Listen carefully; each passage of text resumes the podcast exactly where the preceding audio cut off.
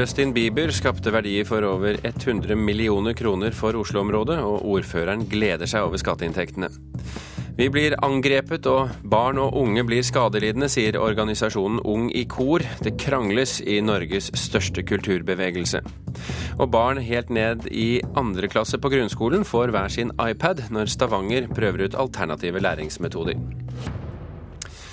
Kulturnytt hører du med Birger Kolsrud Aasund i studio i dag.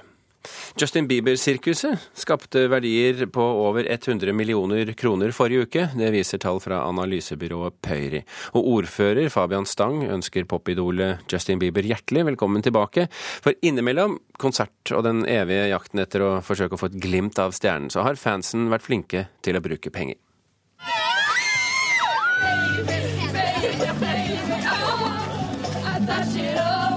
Oslo og Bærum har lagt bak seg en uke der 67 500 ivrige Justin Bieber-fans har fylt gatene. Nå er det igjen vanlig trafikkstøy som preger byen. Og midt i den ordinære bylyden treffer vi sjeføkonom Roger Bjørnstad i analysebyrået Pøyri. På oppdrag fra konsertarrangøren har de regnet ut hvilke ringvirkninger de tre konsertene på Fornebu har hatt for Oslo og omegn. Det er klart at eh, et sånt arrangement det krever mye arbeidsinnsats for eh, å gjennomføre selve arrangementet. Eh, I tillegg så er det jo mange som kommer til Oslo og som trenger bespisning, overnatting, som kjøper varer og tjenester fra næringslivet og som trenger transport. Rundt halvparten av alle konsertdeltakerne kom langveisfra, og en tredjedel av dem bodde på hotell under oppholdet. Godt over 40 000 dagsverk har vært nødvendig for å lage i stand Bieberfesten. Det betyr en økt verdiskapning på 104 millioner kroner disse dagene, viser beregningene fra Pøyri. Et slikt tall skaper glede på rådhuset. Stig på! Oslo-ordfører Fabian Stang tar imot. Det betyr jo at mange har hatt mulighet til å tjene penger, og så betaler de skatt av det, og så får jeg en sjanse til å drive god skole. Så utelukkende positivt for kommunen, rett og slett? Ja, og særlig nå når eh, politi og vaktmannskaper, og ikke minst foreldrene, tok ansvar, sånn at det blir gjennomført på en sikker og god måte, så er, er det bare positivt med den type besøk. Og de som ikke er, er glad i Baby Baby, de har jo mulighet til å høre på noe annet, enten det er Chopin gjeng, eller, eller, hva det er de liker. Så Justin Bieber han er eh, velkommen tilbake? Ja, kom igjen, skal vi lage mer forretning og, og få inn mer skatter. Og Det minner oss om at mye av næringslivet eh, i, store i storbyer er knyttet til eh, ja, underholdning og kulturliv. Og det er også en form for verdiskapning, og det skaper eh, arbeidsplasser. Og reporter her, det var Thomas Alvarstein Ove. you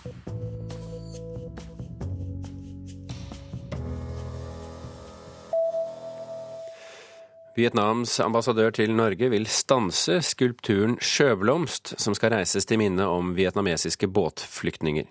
Skulpturen kan få konsekvenser for forholdet mellom Norge og Vietnam, sier ambassadør eh, Ta Van Tong til eh, Dagsavisen. Skulpturen er en gave fra det vietnamesiske flyktningeforbundet som takk til sjøfolk som hjalp båtflyktninger, og skal etter planen avdukes ved Norsk Maritimt Museum til sommeren. Ambassadøren frykter skulpturen skal bli brukt politisk og undergrave arbeidet for et forent Vietnam. Magne Furuholmen skal lage filmmusikk til eh, film filmatiseringen av Lars Saabye Christensens roman 'Beatles'. I tillegg har produsentene, som du har hørt tidligere i Kulturnytt, sikret seg rettighetene til å bruke originalmusikken til The Beatles i filmen. Furuholmen sier til VG at han vil prøve å være tro mot tidsepoken og soundet, og sier dette kommer til å bli en tur tilbake til barndommen. Furuholmen ble også brukt i arbeidet med å få originalmusikken med i filmen. Han skrev bl.a. et brev til Paul McCartney der han skrev om Beatles' betydning for a-ha. Og fra Beatles til Daft Punk. She's up all night to the sun. I'm up all night to get some. She's up all night for good fun. I'm up all night to get lucky. We're up all night to the sun. We're up all night to get some. We're up all night for good fun. We're up all night to get lucky. Den franske dance-duoen Daft Punks første singel på åtte år, 'Get Lucky', har satt nye strømmerekorder på Spotify. Comeback-singelen toppet strømmelistene både i USA og Storbritannia på utgivelsesdagen. Den svenske strømmetjenesten vil ikke si hvor mange som har hørt på singelen totalt. På 'Get Lucky' har Daft Punk fått hjelp av vokalist Farrell Williams og chic-gitarist Nile Rogers.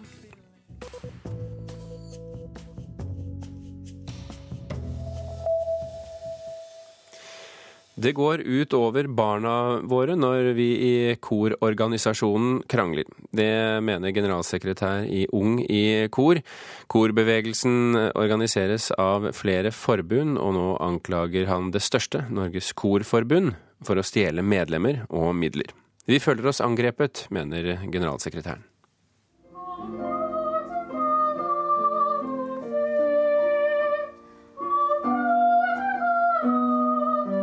Det er søndag formiddag i Norges Korforbunds lokaler ved Nationaltheatret i Oslo. Anna Antonia Osland gjør seg ferdig med prøvesangen til et helt nytt nasjonalt ungdomskor som skal dannes denne våren. Det hadde vært litt kult å være med på noe sånn nasjonalt og møte nye mennesker og sånne ting også. Hun har sunget bra og er ved godt mot. Det gikk bra. Problemet er at det allerede finnes et nasjonalt ungdomskor. Det har eksistert siden 80-tallet og blir drevet av et konkurrerende forbund, Ung i kor. Nå er det slik at Den organisasjonen jeg representerer, Ung i kor, vi har drevet et nasjonalt ungdomskor i 27 år.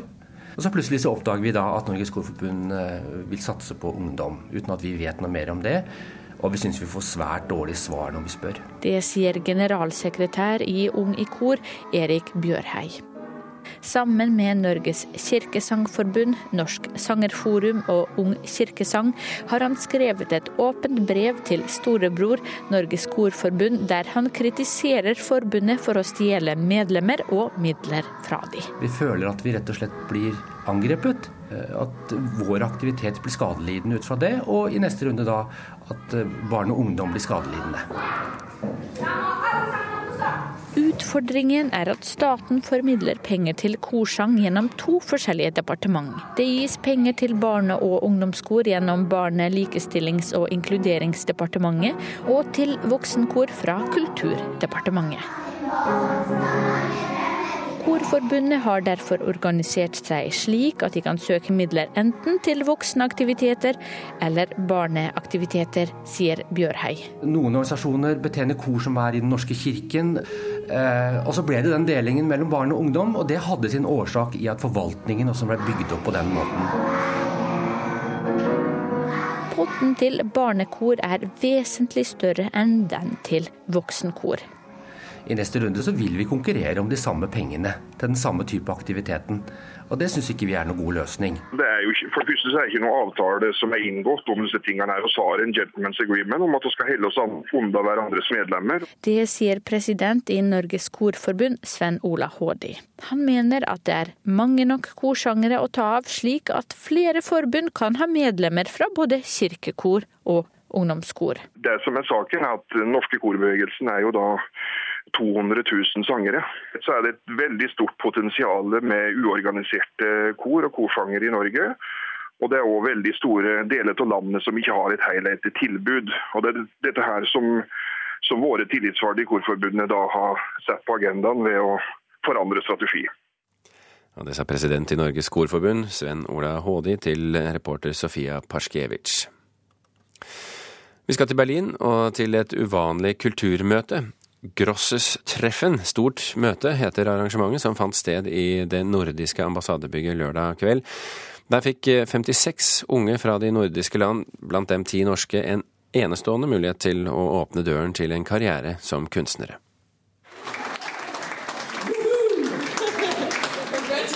To danske og en svensk-chilensk kunstner heies frem etter å ha blitt kåret som vinnere under det store kunstmøtet her i Berlin nå i helgen. Men selv om de tre ble spesielt hedret, så er de alle vinnere, de 56 nordiske kunstnerne som deltok i lørdagens arrangement på Felleshuset, det nordiske ambassadebygget her i Berlin. De unge og i hovedsak uetablerte kunstnerne er trukket ut blant 330 nordiske søkere, og de har fått muligheten til å møte nøkkelpersoner innen Berlins kunstliv, bl.a. ledere for sentrale gallerier her i den tyske hovedstaden. En utrolig sjanse for meg, sier den 29-årige norske skulptøren Kjersti Gjestrud. Det er en helt unik eh, sjanse til å møte gallerier og kuratorer som man ellers ikke ville fått muligheten til å vise portfolioen sin. Så det er en helt utrolig mulighet. Og vi er kun ti norske kunstnere.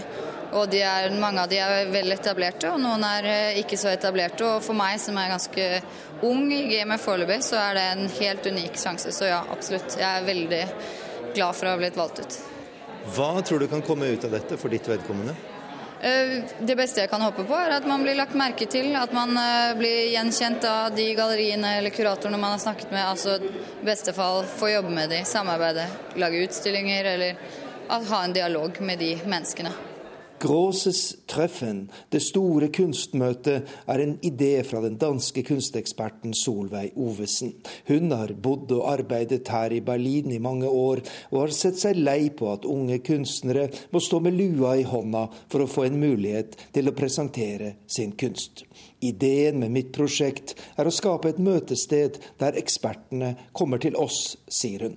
I for at man øh, går til en åpning i øh, en av de store institusjoner her i Berlin, og så øh, efter øh, mange øl står og prøver å fortelle hva ens arbeid, øh, ens verk handler om på tre minutter. Så sitter man ned i ro i dagslys i et offisielt møte, hvor, hvor man også har valgt kuratoren man gjerne vil snakke med. Mellom 50 og 80 norske kunstnere bor nå fast her i Berlin, og langt flere arbeider her i kortere perioder, forteller pressemedarbeider Anne Kirsti Karlsen ved Norges ambassade. Hun mener det har blitt stadig viktigere for norske kunstnere å jobbe i den tyske hovedstaden. Det vil jeg absolutt si at det har. og Vårt inntrykk er at antallet norske kunstnere i Berlin fortsetter å øke. Og at det ikke nå gjelder bare bildende kunstnere, som det kanskje har vært mest av før. Men at det øker f.eks. i antall musikere og forfattere, arkitekter, og andre, andre kulturaktører også, som velger Berlin som bosted. Og reporter her, som man kunne høre, Arnt Stefansen. Klokken er kvart over åtte, du hører på Kulturnytt, og dette er toppsaken i NRK Nyheter akkurat nå. Folk med innvandrerbakgrunn er overrepresentert i mange norske kommunestyrer fordi de får flere personstemmer. Og politiet tror de terrormistenkte i Boston planla flere angrep. Stavanger kommune ønsker å gå nye veier for å motivere grunnskoleelevene sine. Gjennom kommunens nye iPad-prosjekt skal alle elever i fire skoleklasser i Stavanger få hver sin iPad. Hva er det du gjør på iPaden din, da? Spille. Se på nyheter. Se i plan. Finne lekseplaner. iPad er ikke et ukjent verktøy for elevene i andre klasse på Roaldshøy skole på Hundvåg i Stavanger. Det er nettopp sistnevnte, lekseplan og undervisning, som iPaden nå skal brukes til.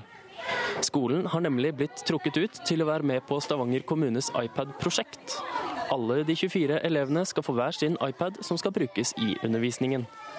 Bruksområdene er store, mener leseleder og andreklasselærer ved Roaldsøy skole, Tove Johannessen Mørk. Dette er et redskap som er kjent for de aller fleste barna. Eh, sånn at eh, dette vil være en mulighet til å få både skrivetrening, lesing. Der det er apper der de kan få bøker lest opp, tekster lest opp for seg. Så dette her er en, en, ny, en ny verden, rett og slett. Selv fikk Mørk en iPad rett før jul. Gjennom flere nedlastbare apper så hun fort at nettbrettet kunne brukes i undervisningen i flere fag. Norsk, matematikk, faktisk kunst og håndverk hvis vi skal lage tegnefilmer. Eh, I norsk med sammensatte tekster. Eh, alle disse naturfag, historie. Tror jeg det er et kjempepotensial. Andre- og tredjeklasse på Roaldsøy skole, tredjeklasse på Vassøy skole og 8B på Kristianslyst skole skal nå få hver sin iPad. Stavanger kommune har brukt over 300 000 kroner på de 97 iPadene som skal deles ut. Totalt var det 19 søkere til prosjektet, og skal vi tro skolesjef i kommunen Eli Gundersen, er dette bare starten på noe mye større. Eh, jeg tenker at vi må lære de sånn brukervett allerede tidlig. Kanskje skulle vi gjort det allerede i barnehagen. Eh, kanskje, og jeg vet at noen barnehager allerede er inne og bruker iPads. Så her handler det veldig mye om strukturer, systemer, forståelse, holdninger. Sånn at dette eh, å bruke iPader skal være med å forsterke den læringen som elevene skal gjennom. Selv om nettbrettet blir et stort teknologisk steg for skolene, forsikrer Mørk ved Roaldsøy skole at de tradisjonelle skrive- og lesebøkene ikke kommer til å forsvinne fra elevenes skolesekker. De skal ikke bruke det istedenfor en lesebok, de skal bruke det som et tillegg, et alternativ og en variasjon i undervisningen. Prosjektet skal ha en varighet på to år, og målet til skolesjefen er å kunne sette av nok penger i kommunens budsjett for 2014, slik at alle åttendeklassinger i Stavanger kan få utdelt hver sin PC eller iPad. Men først må teknologien på plass. Eh, grunnen til at vi har skrevet skråstrek PC iPads, er det at eh, nasjonale prøver og eksamen er ennå ikke tilgjengelig på iPads. Men det skal være tekniske løsninger på både nasjonale prøver og eh, PC-er, og derfor så må vi følge med. Så du håper å en gang kunne tilby nasjonale prøver på iPads? Ja, det gjør jeg helt klart. Eksamen òg. Og Roaldsøy skole håper å sette i gang undervisningen med iPad i slutten av april. Reporter var Håvard Tanke Larsen Knutsen.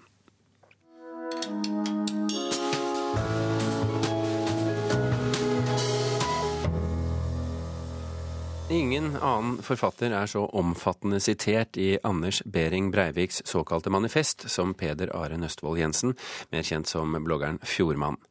Journalist i Morgenbladet, Simen Sætre, har skrevet bok om Nøstvold Jensen. 'Fjordmann portrett av en anti-islamist'. En interessant bok på det psykologiske planet, mener vår anmelder Leif Ekle, men han, har, eh, han mener det er viktige mangler. Allerede i undertittelen på denne boken, 'Portrett av en anti-islamist', klargjør Simen Sætre sin ambisjon. Bildet av mennesket. Han utdyper dette tidlig i boken. Han ville undersøke hvorfor stadig flere nordmenn ble steilt islamkritiske, finne ut mer om kontra-jihadismen, hvorfor Eurabia-teorien vant støtte. Han ville kartlegge et menneskes radikalisering og intellektuelle vei, ikke gjøre en moralsk vurdering av forfatterskapet eller en kritikk av personen Peder Are Nøstfold Jensen. En vurdering av denne boken, om den er vellykket eller ikke, må altså forholde seg til dette utgangspunktet. Hvor nyttige disse premissene er, om de leder til en bok vi trenger, er en annen diskusjon. Tilnærmingen er altså først og fremst psykologiserende. I forhold til et tankesett i endring gir den god mening. Den er mindre nyttig i vurderingen av de miljøene bloggeren Nøstvold Jensen kommer i kontakt med, blir del av og ledende figur i. Simen Sætres journalistiske metode befinner seg i en populær retning der utgangspunktet er journalistens eget jeg, hans erfaringer og forutsetninger. Sætres undring over at et fenomen som Fjordmann kan komme ut av den norske enigheten, virker ekte og er nyttig i forsøket på å forstå mennesket Nøstvold Jensen. Kunnskapen om at fremmedfiendtlighet, fremmedfrykt og rasisme på ingen måte er nye understrømmer i befolkningen, ser imidlertid ut til å være fraværende. Det kan være lett å se seg halvblind på blogging og internett som årsak. Sætre gir en oversiktlig og plausibel gjennomgang av Nøstfold Jensens utvikling som debattant og meningsbærer, parallelt med hendelser som antas å ha påvirket radikaliseringen av ham. I denne utviklingen synes det å være et omslag eller en eskalering i Fjordmanns radikalisering, der han går fra belest, uhyre meningssterk blogger til ytterliggående demagog med åpenbare rasistiske og nasjonalistiske trekk. Det omslaget savner jeg en nærmere diskusjon av. Paradoksalt nok savner jeg også en tydeligere markering av Setres eget ståsted, en grenseoppgang mot det ideologiske landskapet hans objekt opererer i. Når går islamkritiske meninger fra å være legale og kanskje sunt kritiske til å være nettopp ytterliggående? Slik teksten fremstår, er det ingen definert forskjell på legitim religionskritikk og ekstreme ytringer. Simen Sætres tekst fungerer samtidig godt på andre områder. Den politiske og intellektuelle kortslutningen som forutsetning for ytterliggående tenkning er ett eksempel. Bruken av historiske seire og nederlag som argumenter og forutsetninger for politiske konklusjoner et annet. Fjordmann, portrett av en antiislamist, er blitt en interessant bok. Om Nøstvold Jensen ville vært viktig eller interessant nok til en slik bok hvis han ikke var gjennomsitert av Anders Behring Breivik, er jeg mer usikker på. Og En utvidet versjon av denne anmeldelsen kommer i løpet av dagen på nrk.no kultur. Du hørte vår anmelder Leif Ekle. I to år har Trøndelag Teater jaktet på unge talenter. Åtte unge dramatikere kom gjennom nåløyet. En av dem er 13 år gamle Ingrid Torkilsdatter Skanke. I morgen er det premiere på stykket Forventninger. Veldig spennende og veldig, veldig kult å se hvordan det utvikler seg fra å være et manus til, til å se på scenen og, og ja. ja. Har du lært mye underveis? Veldig mye. Det har vært veldig lærerikt. Ingrid Torkilsdatter Skanke er en av åtte unge som venter på siste gjennomkjøring av egne stykker på Trøndelag Teater. Teatret har i to år satsa på å finne og utvikle nye dramatiske talenter. I morgen tirsdag er det premiere. Du, du fikk virkelig til den der driblinga di i dag, altså. Det sier du alltid. Ja, ja, men jeg må jo gi ros for det du kan. Ja, Du kan jo bli verdensberømt med den driblinga di. Og nå kommer vi til det jeg burde forbedre. Fortell meg, hva er det jeg, synes jeg burde gjøre annerledes i dag, da? Ja. Oppsetninga har blitt til gjennom et tre måneders tett samarbeid mellom ungdommene, teateret og ikke minst skuespillerne. Ingrid Skanke mener hun har hatt en bratt læringskurve som ung dramatiker.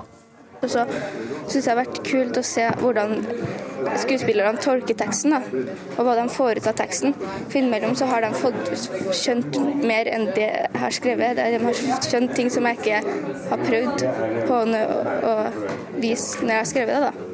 Så det har vært veldig kult. For slike talenter som Ingrid Torkilsdatter Skanke har veien videre som dramatiker vært tornefull og full av hindringer inntil i år.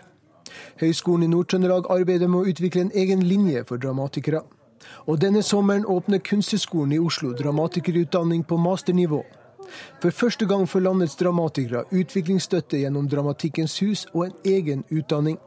Den er praktisk retta, sier fagadministrativ leder Øystein Stene må lære seg å jobbe teaternært eh, og i kompaniskap med andre. Um, og vi kommer også til å utføre dem til å utforske hva scenetekst kan være. Tror du at det blir mange store, nye stykker som faktisk er basert på at denne utdannelsen lar folk få muligheter til å utvikle seg? Jeg er helt overbevist om at vi kommer til å se mange interessante stykker. Vi har jo hatt noen små eksperimenter de siste årene, hvor vi har latt skuespillere møte forfattere, f.eks. For og bare, bare, de eksperimentene vi har gjort, som varte i litt over et år, eh, førte til tre stykker som har vært satt opp nå. Lørdag.